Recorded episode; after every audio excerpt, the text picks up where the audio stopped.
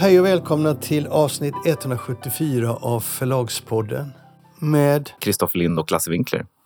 I den bistra vintern 2023. Ja, särskilt bister är den väl inte? Kanske inte Stockholm, men inne i mitt huvud är den det.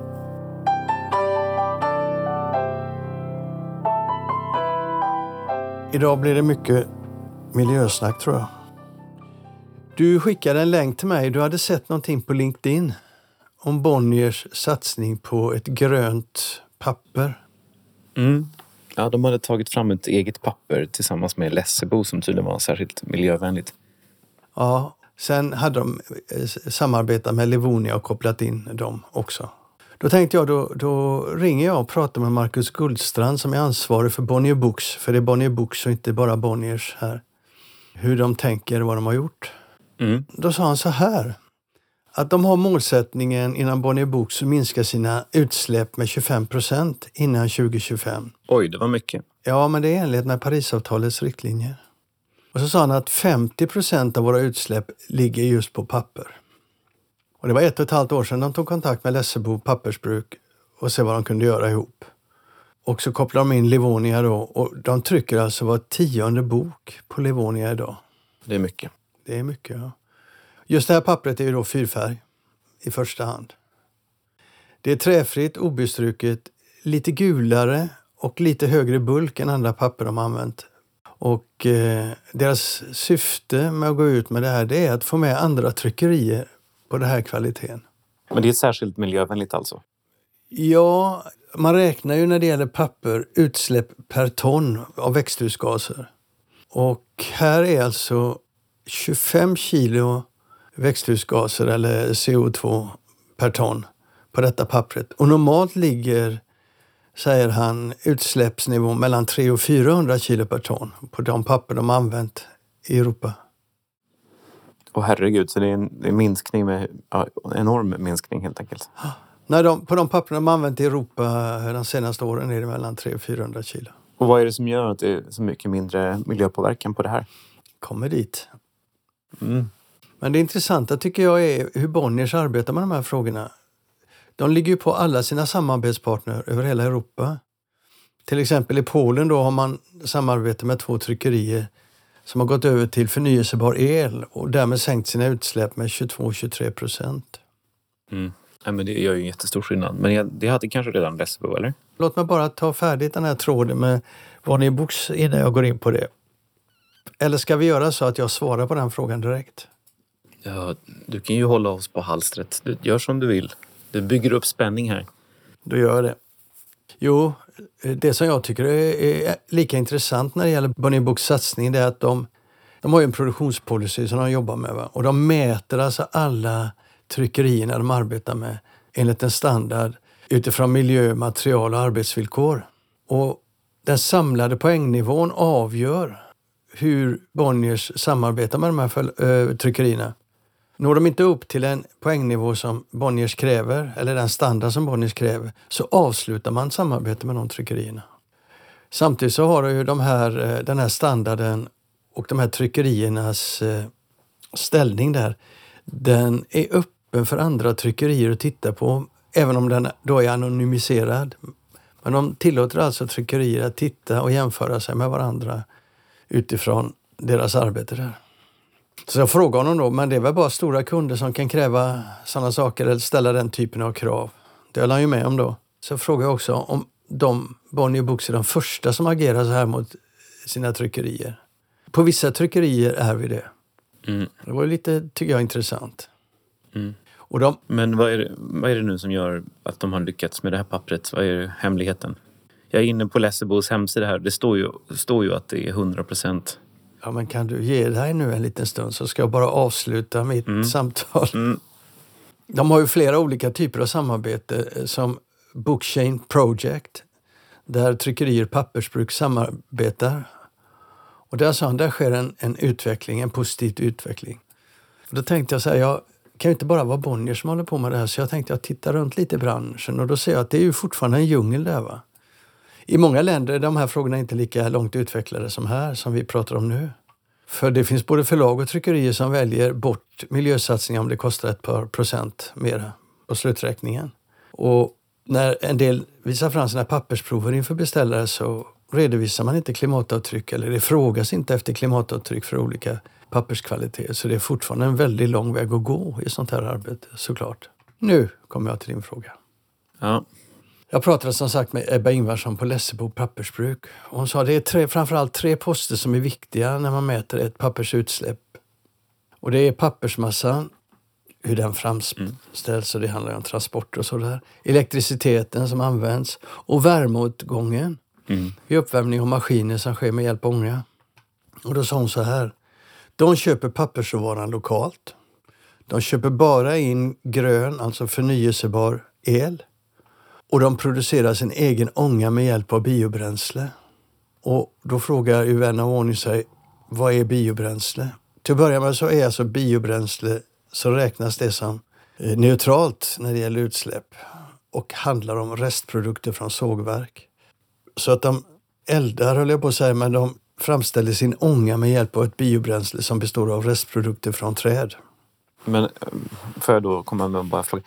Det här med att de har 100% förnyelsebar el, energi då, det har de väl på alla sina papper? Vad, vad är det som är speciellt med det här Bonnierpappret? Eller är det här någonting som de gör nu på alla sina papper? Bonnierpappret är särskilt bra, tydligen. De har ju på ett och ett halvt år för att komma ner så mycket de bara kan. Och då vet inte jag om all el de köper är förnyelsebar eller om de måste ha annan el också, om det inte räcker.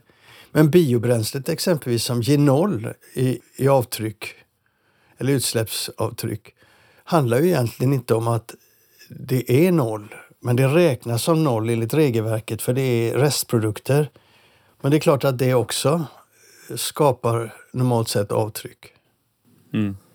Så att det är ju sanning med modifikation men det är ju otroligt bra jobbat att få ner det så mycket. Verkligen. Hon sa också det att normalt så väljer ju pappersbruk olja eller kol när det gäller uppvärmning av maskiner och sånt. Och då får man ju ett helt annat avtryck. Och det de gör nu då, de har ju ett visst avtryck och där väljer de också på det att klimatkompensera. Men det vet ju både du och jag, och det tror jag hon också ha- hade en känsla att klimatkompensation det är liksom gårdagens eh, åtgärd. Den är inte så väldigt eh, effektiv när det gäller utsläpp. Vet du varför de gjorde ett papper för fyrfärgstryck?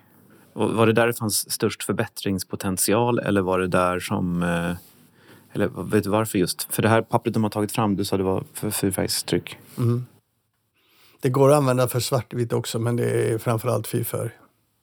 Det var ju det de kunde komma fram med, det vill säga där fanns en väg framåt på ett pappersbruk som hade tillgång till lokal råvara, som hade förnyelsebar el och använde biobränsle.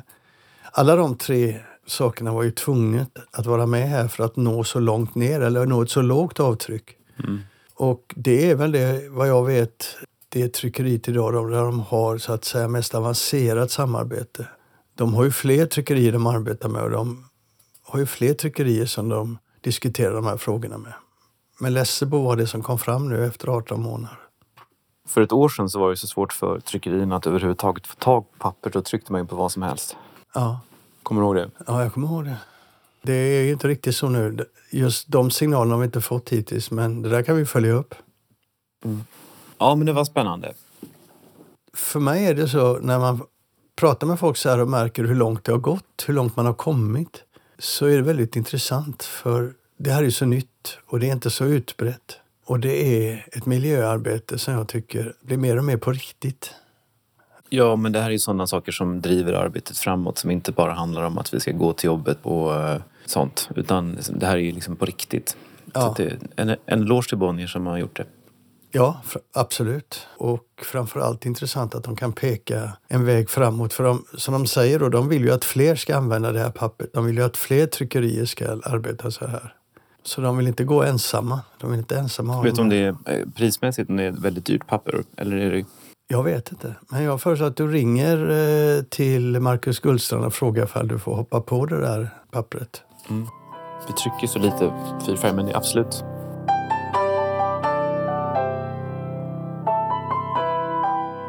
Du, förutom detta inslaget med Lessebo pappersbruk och Bonnier Books så har vi ju ett inslag till som handlar om miljö. Men den utgår från rean. Mm. Den tycker jag är, vi ska ta idag också. Så idag får ni så ni tiger när det gäller miljöfrågor. Det är inte så ofta. Nej. Okej, det kommer här. Snart är rea. Ser du fram emot den? Nej, inte alls. Varför det? Nej men rean har inte, den har ju liksom tappat nu år för år för år och eh, för förlagen så är det ju så att den reaförsäljning som vi har den fakturerar vi under sommaren. Alltså vi skickar ut, årets reaböcker skickar vi till Akademibokhandeln och Ugglan. De skickar vi i juli och juni och sådär, kanske några i augusti. Och så fakturerar vi dem då. Och den försäljning som sker, de kompletterar ju nästan aldrig. Utan den försäljningen är ju redan gjord så att säga.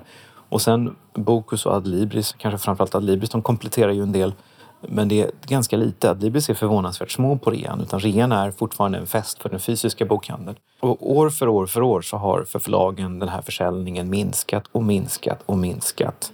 Så att den har blivit allt mindre relevant. Så du är över i mitt hörn nu då som tycker att rean ska läggas ner?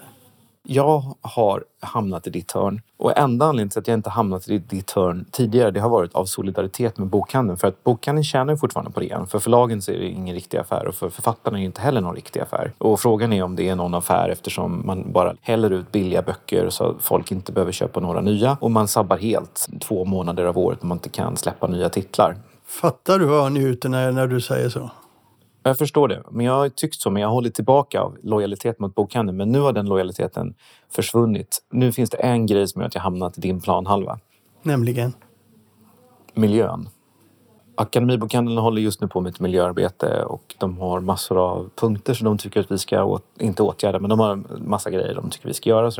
Och när, det, när det kommer till förlagens miljöarbete så finns det egentligen bara två grejer, eller det finns massa saker man kan göra, men det finns två saker som gör skillnad. Det som släpper ut mycket, klimatavtrycket på förlagen kommer ifrån energitillgången när man tillverkar papper och när man trycker böcker. Och sen är det transporter. Men det är framförallt det trycket av böcker. Jag kommer inte ihåg nu vad det står för, men det är liksom 70-80 procent eller någonting sånt där. Om man använder ett tryckeri som har energi eller el som kommer från fossila källor och man övergår till vattenkraft eller vind och sådär, då gör det jätteskillnad. Och ännu större skillnad gör det om man trycker färre böcker. Alltså det är böckerna som är problemet. Och problemet då med bokrean, det är ju att den var ju förr i tiden, alltså långt, långt för länge sedan, så sålde ju bokhandeln ut de böcker man inte hade sålt. Och det gjorde också att bokrean var väldigt intressant för olika boklådor hade olika titlar. Men idag går det inte till så, utan man sitter och gör centrala inköp av böcker som redan har sålt bra. Och förlagen trycker också då till böcker. Alltså, man trycker böcker särskilt för rean som man knappt tjänar några pengar på. Så klimatavtrycket är ju enormt. Om man skulle räkna ut koldioxidavtrycket per hundralapp som man köper böcker för på rean jämfört med per hundralapp som man köper för normalt så är det ju tre gånger så stort koldioxidutsläpp på reaböckerna. Det är två saker till, förlåt att jag går igång på det här men jag... Jag vågar inte fråga dig hur du vet det. Det blir ju så eftersom det är liksom tre gånger så lågt pris per bok. Och då blir det ju så eftersom trycket, tryckkostnaden, tryckets andel utav priset som du köper på en, på en vanlig bok, den är ju tre gånger så låg som den bok du köper på rean. Där står ju liksom, tryckkostnaden är ju liksom halva kostnaden. Om du, om du köper böcker för 500 kronor till normalpris då får du två böcker. Om du köper böcker för 500 kronor på rean då får du tio böcker. Så det är klart att det, det är väl inte så konstigt. Men sen är det också detta med slit och släng mentaliteten. Alltså, rean uppmuntrar ju till att man ska hejdlöst köpa böcker som man aldrig tänker läsa. Hur många reaböcker läser man sen? Och sen har vi en annan grej och det är det här med, med transporterna. Jag tycker ju att, eh, också av miljöskäl att nu måste bokhandeln faktiskt allvarligt överväga att köpa in böcker utan returrätt. Och för vad man gör då med rean, det är att man skickar tillbaka böckerna som man har sålt bra av och sen så köper man in dem igen till rean så de går fram och tillbaka, fram och tillbaka. Och det är inte klokt. Alltså bokhandeln kan väl rea de böcker de inte har sålt. De ska returnera böckerna tillbaka till vårt varulager och vi sen ska skicka ut dem för att folk sen ska köpa dem jättebilligt. Det är inte rimligt ur miljöaspekt. Så jag tycker att vi ska avveckla rean nu en gång för alla av miljöskäl.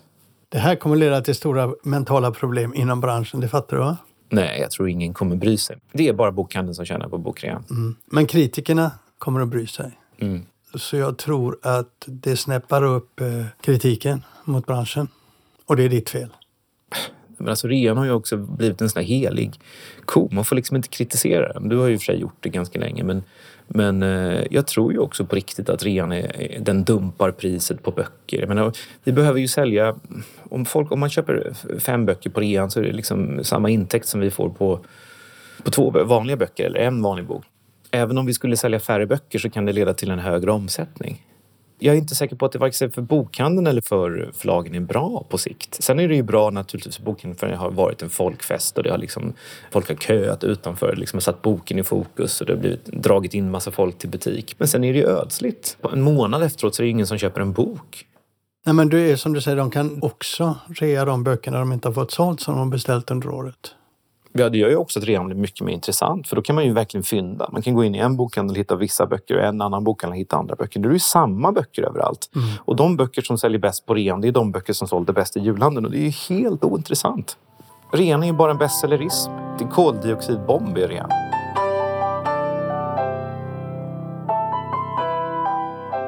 När jag har ringt runt och pratat med förlag så har jag märkt att när man pratar om förskott så får det känsla att de är på väg neråt.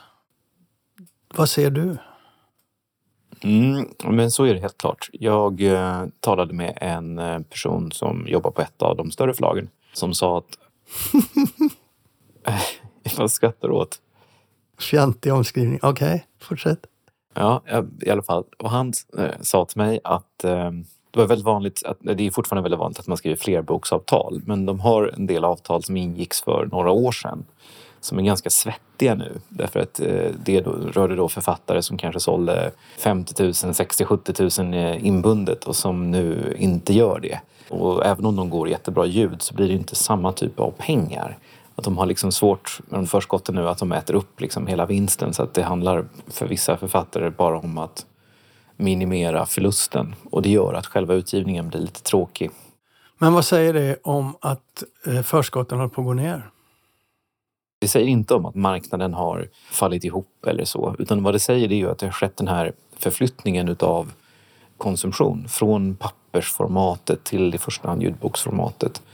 Och för de här författarna som hade de absolut största förskotten så eh, de tjänar kanske mer pengar på den långa svansen och på hela sin backlist. Så det är mycket möjligt att de totalt sett tjänar mycket pengar. Men de tjänar eh, alltså mindre per ny bok än vad de gjorde tidigare. Det går inte att, om du säljer 70 000 inbundna böcker och sen så får du kanske lika många lyssningar. Då står ju inte ens det för hälften av de intäkterna. Det står mindre för, för mindre än hälften. Så det är svårare att räkna hem den där typen av väldigt stora förskott. Jag skulle säga att det är liksom huvudförklaringen. Märker du det själv när du ger förskott idag att de går ner?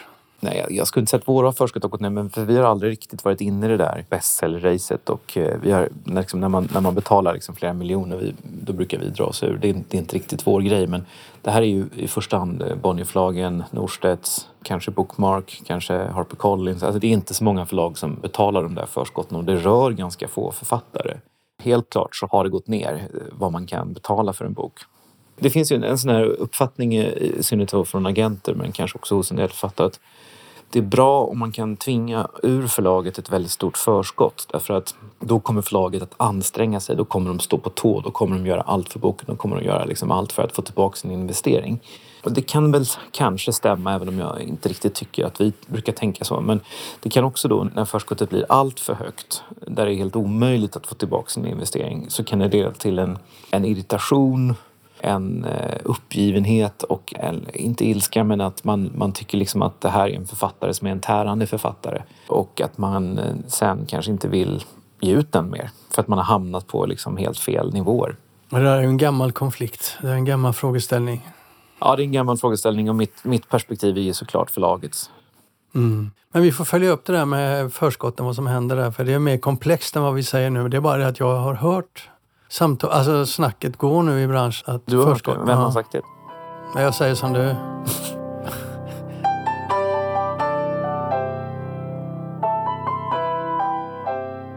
Vi har ju den här tävlingen, vad B-pocket ska handla om. Formattävlingen. Mm, det har bara strömmat in svar. Många som vill tävla. Ja, de ramlar ju in lite ojämnt sådär men jag tänkte... Det har kommit tre. Nej, det har kommit fler. Men så här dags, i elfte timmen utav den här tävlingen som jag utropade förra veckan, så kanske man ska göra lite mer PR för idén och jaga in lite mer förslag. Och då kan man ju utfästa ett pris. Och då tänkte jag så här, det handlar om två nivåer. Dels ett namn som vi tycker är bäst, du och jag. Mm.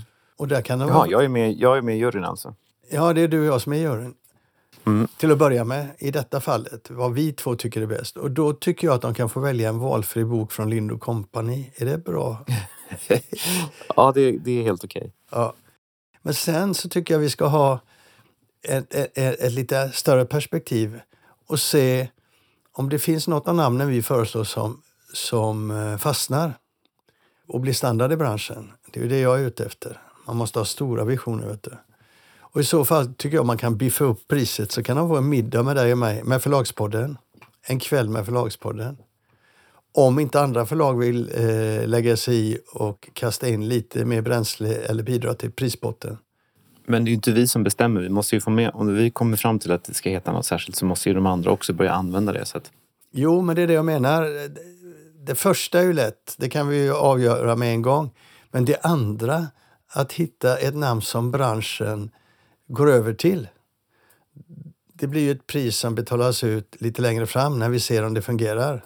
mm, och då blir det middag. Ja. Då blir det middag. Och då får vi ha de andra förlagen att lägga in lite eh, satsningar också. För då har de fått hjälp. För det är ju så att det är ingen som hittat ett bra namn. Alla jag pratar med famlar. Alla vill ha, ha ett namn, ett nytt namn. Men ingen kan säga vad det ska vara. Men vad, vad har vi fått in för förslag hittills då? Vi har ju fem förslag. Plus det finns några till som jag har förlagt som vi får ta längre fram i podden. Men det börjar med Mats Ahlström som föreslog häftat. Mm. Sen kom ett förslag från en lyssnare som föreslog softbook. Softbook. Soft- låter som soft, soft touch. Ja, softbook. Det får man tänka på, sån här boll du vet som är alldeles mjuk som bebisar har. Mm. Som man kan krama ihop. Sen kommer följande förslag. Jag nämner inte vem som kommer med förslagen men det är folk eh, rätt centralt placerade i branschen. Och här låter det så här. Jag tror inte att häftat går att använda mot kund. En vanlig människa kommer att tro att det är lösa blad med häftklamrar, typ kompendium. Mm, det är sant. Kan mjukperm vara ett alternativ? Eller något med flex? Båda har väl vi försökt med va? Flexband finns ju. Ja, men också att vi haft det det här med danskt band eller mjukband. Det har man ju... De finns ju också, används. Ja. Så fick vi ett mejl av en, också en människa i bokbranschen, eller i bokvärlden, som föreslår ett namn, men argumenterar så här. Ett namn i gränslandet mellan inbundet och pocket. Tydligt, intuitivt och lätt att sälja. Inbundet är ett tråkigt men etablerat namn, likaså pocket. Det kan inte heta något med slutändelsen band, för det är för likt inbundet. Att till exempel kalla det storband, i och för sig vitsigt, blir fel då inbundet för alltid kommer vara störst i klassen. Jag tycker inte heller man kan slänga in ett tredje fristående namn, typ ögongodis, vilket är för otydligt då. Och så i argumentationen då så kommer det ett förslag till en, eh, en fejkad eh, dialog mellan en kund och en bokhandlare då låter det så här. Kunden, har ni Kerstin Ekmans senaste roman, Bokhandlaren? Självklart, vilket format önskar du? Kunden, vad har ni? Inbundet är för dyrt och pocket kan jag inte läsa. Bokhandlaren, då har vi det perfekta valet för dig. Köp en lyxpocket. Kunden, vad är det? Bokhandlaren, en större och lyxigare bok än pocket. Bättre tryck, finare papper, eleganta vikflikar och lätt att bära med sig. Kunden, oj vad fin, vad kostar den? Bokhandlaren, bara 135 kronor. Kunden, perfekt, jag tar två. ja, det var ju förstås en författare som skrev det här. Det var det förstås. Och förslaget är då lyxpocket. Mm. Och eh, ett litet PS då. Vet att Lasse inte tycker att det ska heta något med pocket, men jag tror att det är perfekt. Så där har vi fem stycken. För vi har ytterligare ett då, men det, det får man säga helt utom tävlan. Det är bara fjantigt, men vi måste ju redovisa. Och det är eh, en av våra kollegor eller konkurrenter som föreslår vinklerband. Ja. Jag tror att det är gjort med en viss elak blick åt sidan. Men det var, det var faktiskt en här på förlaget som tyckte att det skulle heta Winkler-formatet. Ja, men det är ju banalt. Det kan du ju aldrig göra. Ja, Jag tar ju det här på allvar. Jag tycker det här är roligt och jag tycker det är viktigt att du får ett namn som kan driva förståelse och eh, fokus på en bra produkt. Mm. Jag- Jag gick faktiskt in och kollade vad, vad... Jag kollade inte på alla, jag kollade bara på vad den här Hans-Gunnar Axbergers bok Statsministermordet, vad den, som du ondgjorde dig över i förra Ja. podden. Jag, jag gick faktiskt in och kollade vad det var för band, eller vad, det, vad den var kategoriserad som. Och där står det faktiskt stor pocket, så det är det man använder. Just nu ja. Och det är ju värdelöst. Det är ett väldigt fult ord Och dessutom. då är ju ändå lyxpocketen bättre om man nu ändå ska ha pocket. Ja, det är det faktiskt. Jag är ju eh, anhängare... Nej, det kan inte jag säga. Jag ska ju vara, jag ska vara Domare. neutral. Ja. Mm. Så jag får inte säga det. Ja, den här tävlingen fortsätter och vi kommer att redovisa fler namn. Och vi kommer att, jag kommer helt hejdlöst att marknadsföra och eh, driva den här frågan. Eftersom jag verkar tycka enda som tycker att den är viktig. Mm. Nej, men det är roligt att du brinner för B-formatet.